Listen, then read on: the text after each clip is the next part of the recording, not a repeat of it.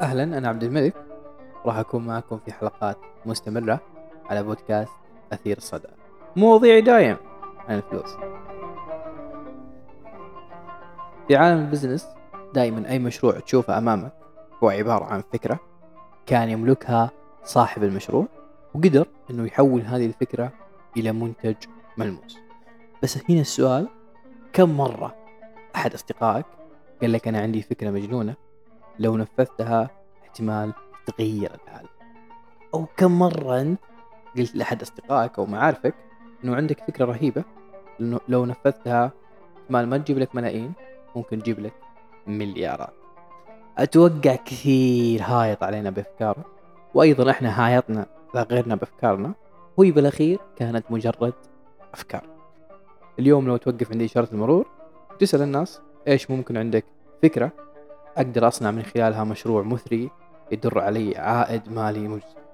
أعتقد كثير بيعطيك أفكار ما لها أي حدود. أنا ما أحب أعطي أرقام بس مستعد يعني أجزم لك تقريبا أنه في مليون شخص في العالم عنده فكرة وتحصله مسجلها في نوتة وكل فترة يعدل فيها ويضيف ويحسن ويطور بس لسه ما أخذ الخطوة الأولى. تدري كم تساوي هذه الفكرة وهي لسه مجرد فكرة؟ يعني أحس من الظلم لو قلت تساوي صفر. لكن فعليا هي تساوي أربعة أصفار لأنه الفكرة ما لها قيمة إذا أنت فعلا ما بديت بتنفيذها. فنجاح الفكرة ليس لجهنمية الفكرة. لا لا. نجاح الفكرة يعتمد على من خلف هذه الفكرة. كثير سمعنا عن أفكار عظيمة بس ما نجحت لأن الفريق اللي كان خلف هذه الفكرة لم يكن بالكفاءة العالية وكثير سمعنا عن أفكار تقليدية نجحت نجاح باهر والسبب أنه كان في فريق رهيب خلف هذه الفكرة. خليني أعطيكم نموذج لشركة دخلت سوق الأعمال وغيرت سلوك الناس بشكل كبير وهي شركة أوبر. شركة أوبر دخلت السوق بفكرة مختلفة رهيبة وأصبحت شركة عملاقة تقدر قيمتها السوقية ب 80 مليار تقريبا.